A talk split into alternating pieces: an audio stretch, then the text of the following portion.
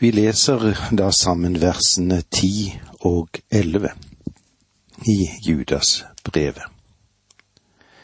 Disse derimot spotter det de ikke kjenner, og det de begriper med sine sanser.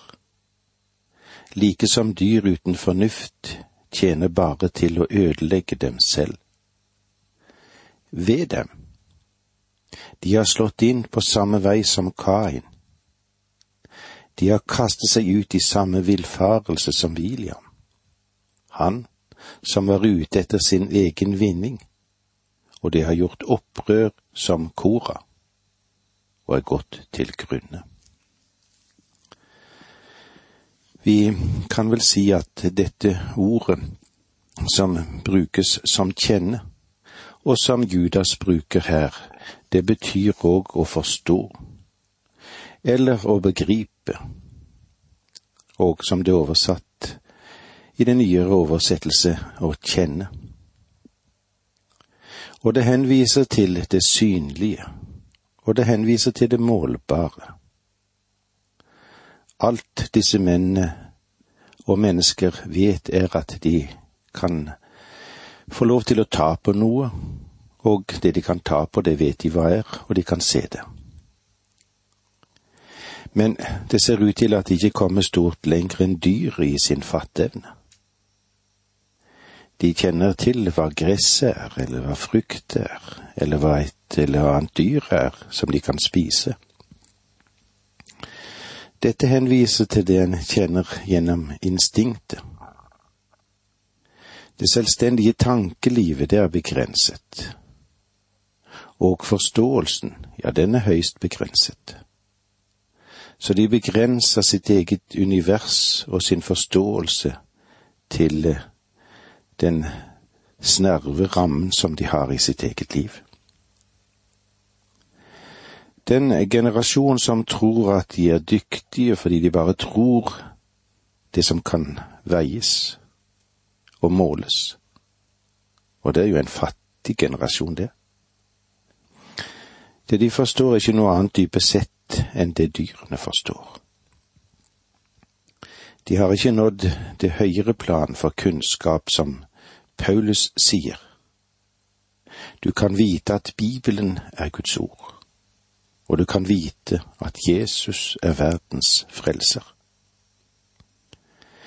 Mennesker som bare kjenner de fysiske ting, tror at de vet alt som kan vites, og gjennom det forkvakler de seg selv. Det er dette bildet på den frafalne som Judas nå gir oss, og det er noen viktige sider som vi skal ta, ta med oss dette. Disse derimot spotter det de ikke kjenner. I vers elleve leste vi altså slik. Ved dem de har slått inn på samme vei som Kain. De har kastet seg ut i samme villfarelse som Biliam. Han som var ute etter egen vinning. Og de har gjort opprør som Kora og er gått til grunne. Judas har allerede gitt eksempler på tre grupper som er frafalne, som har veket av. Israels folk og englene som gjorde opprør. Vi stopper òg for byene Sodoma og Gomorra. Og nå får vi altså tre eksempler som illustrerer det temaet som Judas har tatt opp. Men denne gangen dreier det seg ikke om grupper. Nei, her gjelder det enkeltindividet. Ved dem. Ordet for ved på gresk er oai. Selve uttalelsen dette ordet er som en jammer. Au, au, hva kan vi kanskje si. Det gir oss et klagerop av sorg eller fordømmelse. Her er det mer enn klage, et klagerop som avvises eller avviser. Det som egentlig sies er jo begge deler. Klageropet. Og disse frafallene som Judas nettopp har nevnt, sier han, ved dem, ved dem. De har jo slått inn på samme vei som Kain. Kain var et religiøst menneske. Men eh, hvordan var det med han ellers? Han var vel ganske naturlig. Han trodde på Gud, og han trodde på religion. Men det fatale var han handlet etter sin egen vilje. Han benekter at han var en synder. Han fornektet forløsningen ved blodet. Han trodde at han kunne komme til Gud langs sin egen vei. Går vi til Hebreerbrevet i det ellevte kapittelet, der i vers fire, så markeres denne situasjonen ganske klart. I tro bar Abel fremfor Gud et bedre offer enn Kain. Fordi han trodde, fikk han det vitnesbyrd at han var rettferdig. For Gud godkjente hans offergaver, og med sin tro taler han ennå etter sin død. Kain, han er også død. Også han taler. Kains vei er det som vi kan kalle for menneskets vei, som nektet å bringe et lite lam som pekte hen på Kristus. Med andre ord så kom ikke Kain til Gud ved tro. Han trodde ikke Gud når han sa at mennesket skulle bære frem et lite lam som et offer. Og uten at blod ble utgitt, var det ingen tilgivelse for synd og at straffen, den måtte betales. Kain trodde at han kunne komme til Gud på sin egen måte, han. Og det er et bilde på en forvrengning også i våre dager. Den bortkomne må gjerne kalle seg selv liberal, eller han kan kalle seg for en moderne person. Vet du hva? Dette er så gammelt som Edens hage, det.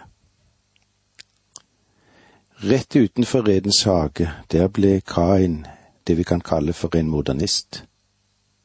Han trodde på religion, og han trodde på Gud, men han gjorde det på sin måte.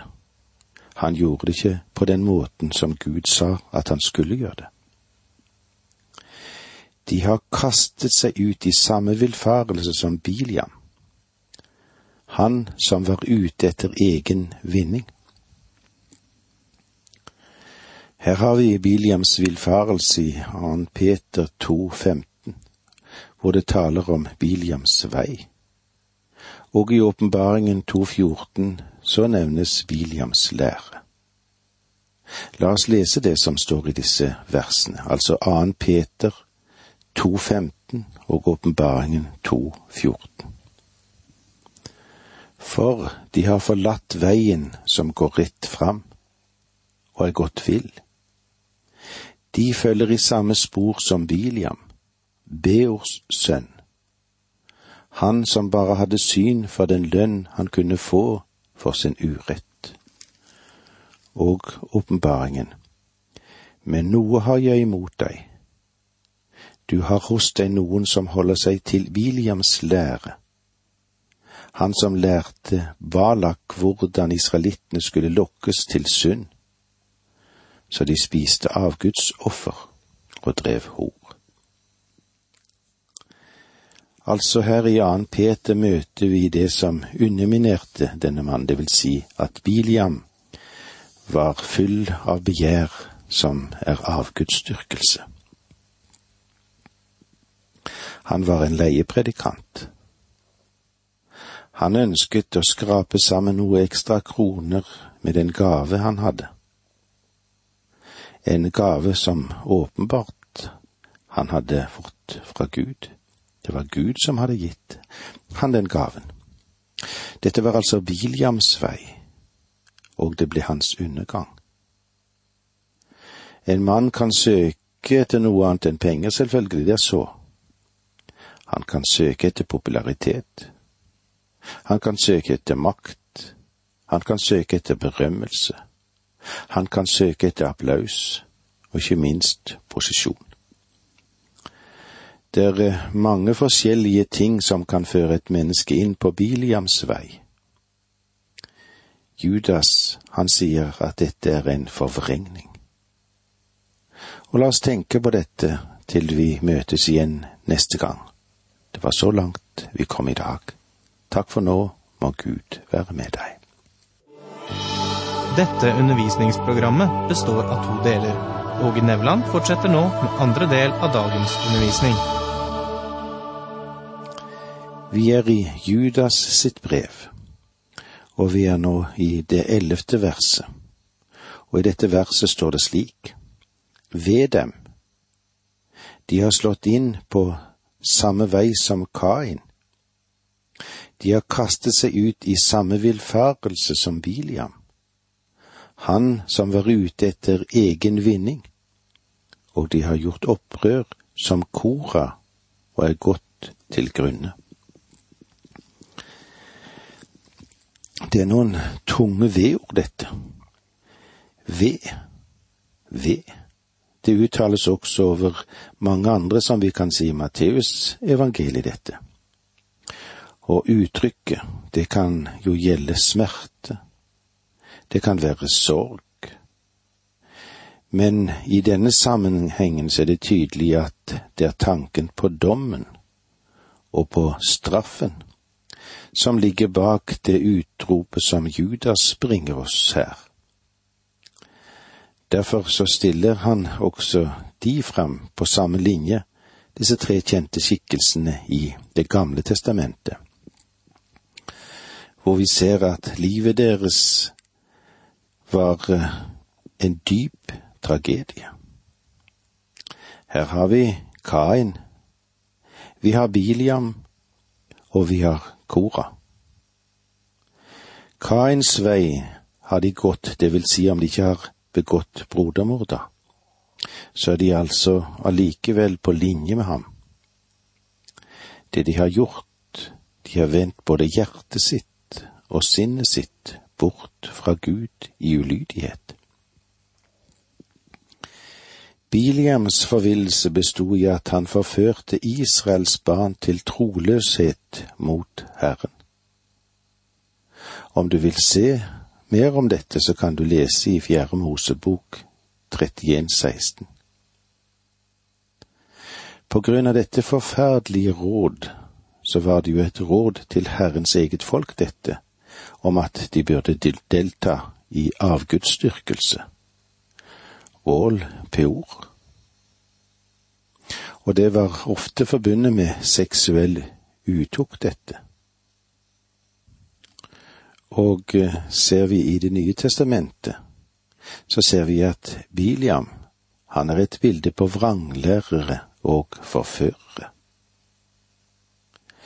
Ved sin holdning, antagelig både gjennom sin lære og sin livsførsel, er det nettopp denne villfarelse eller forvillelse og vranglære som førte til at noen kristne gikk inn i dette. Dette har de kastet seg inn i for vinningens skyld. Også på samme måte som Biliam, som nok hadde god lyst på spådomslønn. Uttrykket for vinnings skyld tyder på at de har tatt imot lønn. De tok imot lønn for sin forkynnelse eller den undervisningen som de holdt på med. Desto verre blir resultatet da både for dem de forfører og for seg selv. Guds straff, den kommer til å nå dem. Den innhentet jo. Koras gjenstridighet, som vi òg ser om i Fjerde Mosebok 16, sikter til det opprøret som Kora og hans menn satte i gang mot Moses og Aron, og det prestedømmet som Gud hadde innsatt i Israel. På samme måte er disse vranglærerne også opprørere innenfor menigheten.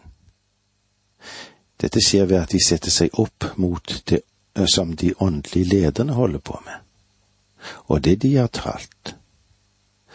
De forfører de troende, og så splitter de menigheten. Men også dette er under Guds dom.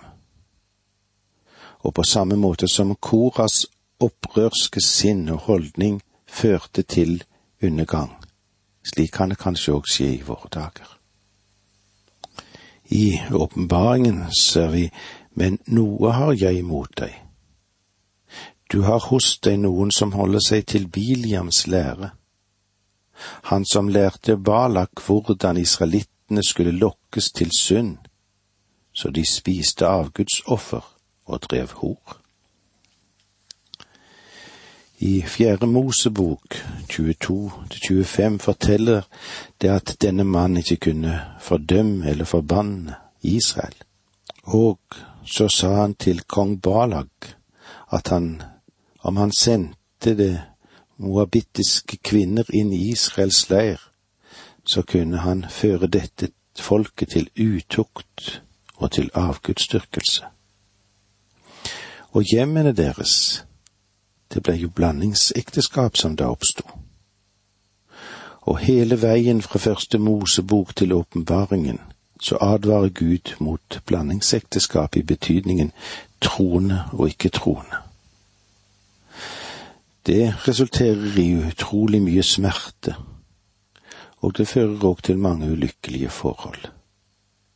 Selvsagt kan det gå godt, men vi skal være våkne for disse tingene som Gud sier til oss gjennom sitt eget ord. Biliams villfarelse her i Judas sitt brev er at han trodde Gud måtte straffe Israel for deres synd. Han innså ikke at det er en moral som ligger over den naturlige moral. Han, han trodde at en rettferdig Gud måtte forbanne Israel. Han var helt ukjent med korsets moral. Det læres i Det gamle testamentet at Gud kan opprettholde og tvinge gjennom sin autoritet, eller at han kan være rettferdig, og den som rettferdiggjør en troende synder. Vi har noe å tenke på her. Biliam, han forsto ikke at Gud ville tilgi Israels folk når de vendte seg til ham. Det er av og til vanskelig for noen å forstå hvordan et menneske kan bli omvendt. Det var vanskelig for de som jeg arbeidet sammen med i min ungdom på verkstedet, på bilverkstedet. De kunne ikke forstå at jeg kunne snu helt om. Først å bli en kristen, og deretter å forlate det yrket som jeg sto midt oppi og begynne å arbeide innen Guds rike var vanskelig å forstå, men det var noen som forsto det. De hadde jo kanskje litt grunn til å undre seg på dette òg. De hadde vel litt vanskelig kanskje til å forstå at Gud hadde tilgitt meg, og at jeg levde i et nytt liv. De hadde vanskeligheter for å tro det. De trodde det ikke fordi de ikke kunne forstå det. Og det er det samme problem som Biliam hadde. Og de har gjort opprør som Kora og er gått til grunne. Du husker kanskje at Kora ledet et opprør mot Moses. Han kom til den konklusjon at Moses ikke var den eneste på det stedet som hadde adgang til Gud. Kora han gjorde opprør mot Guds autoritet. Han gjorde opprør mot den autoriteten som Gud hadde bemyndiget gjennom Moses. Han ønsket å gripe inn i det som var hellig. Med andre ord så sa han, har Gud bare talt til Moses? Hvem tror Moses egentlig at han er? Faktisk så hadde ikke Moses så større og høye tanker om seg selv, og han synes heller ikke at han hadde de kvalifikasjoner som skulle til for den oppgaven som Gud hadde gitt ham. Nei, Moses var i den situasjonen at han vegret seg til å ta over lederskapet og føre folk ut av Egypt. Men Gud, ja, Gud hadde jo kalt Moses, og denne kora gjorde opprør mot ham. Han motsa Moses sin autoritet. Han grep inn i prestenes tjeneste, og han døde. Med andre ord var han en opprører, en som satte seg opp mot Gud. Judas sier at slikt opprør karakteriseres som falsk lære. Legg merke til at det som er sant angående disse tre enkeltmennesker fra Det gamle testamentet, er også det som er sant om frafallet rent generelt. Kain trodde ikke at vi behøvde å komme til Gud ved tro, og at det trengtes et blodoffer fordi mennesket er en synder. Han trodde at om du har en religion, ja, så er alt det du trenger. Det er jo det de falske lærere klarer seg med. Hvordan var det så med Biliams villfarelse? Jo, i hans villfarelse lå det i at han trodde at en hellig Gud måtte straffe synd, og at syndere ikke kunne få tilgivelse. Ja, slik er det med de falske lærerne, de gjør den samme feil. De sier hvordan i all verden kan Kristi offer frelse noen? Menneskene må jo gjøre noe for dette selv. Og den frafalne gjør opprør mot Gud som Kora gjorde. De tiltar seg en autoritet som de ikke har. De kan også finne veien til prekestolen. Men i stedet for å si hva Gud sier, så forteller de menneskene hva de sier og hva de tenker. Disse tre menn fra Det gamle testamentet illustrerer denne sannheten for oss òg i dag. Tenk igjennom dette. Det var så langt vi kom i dag. Takk for nå, må Gud være med deg.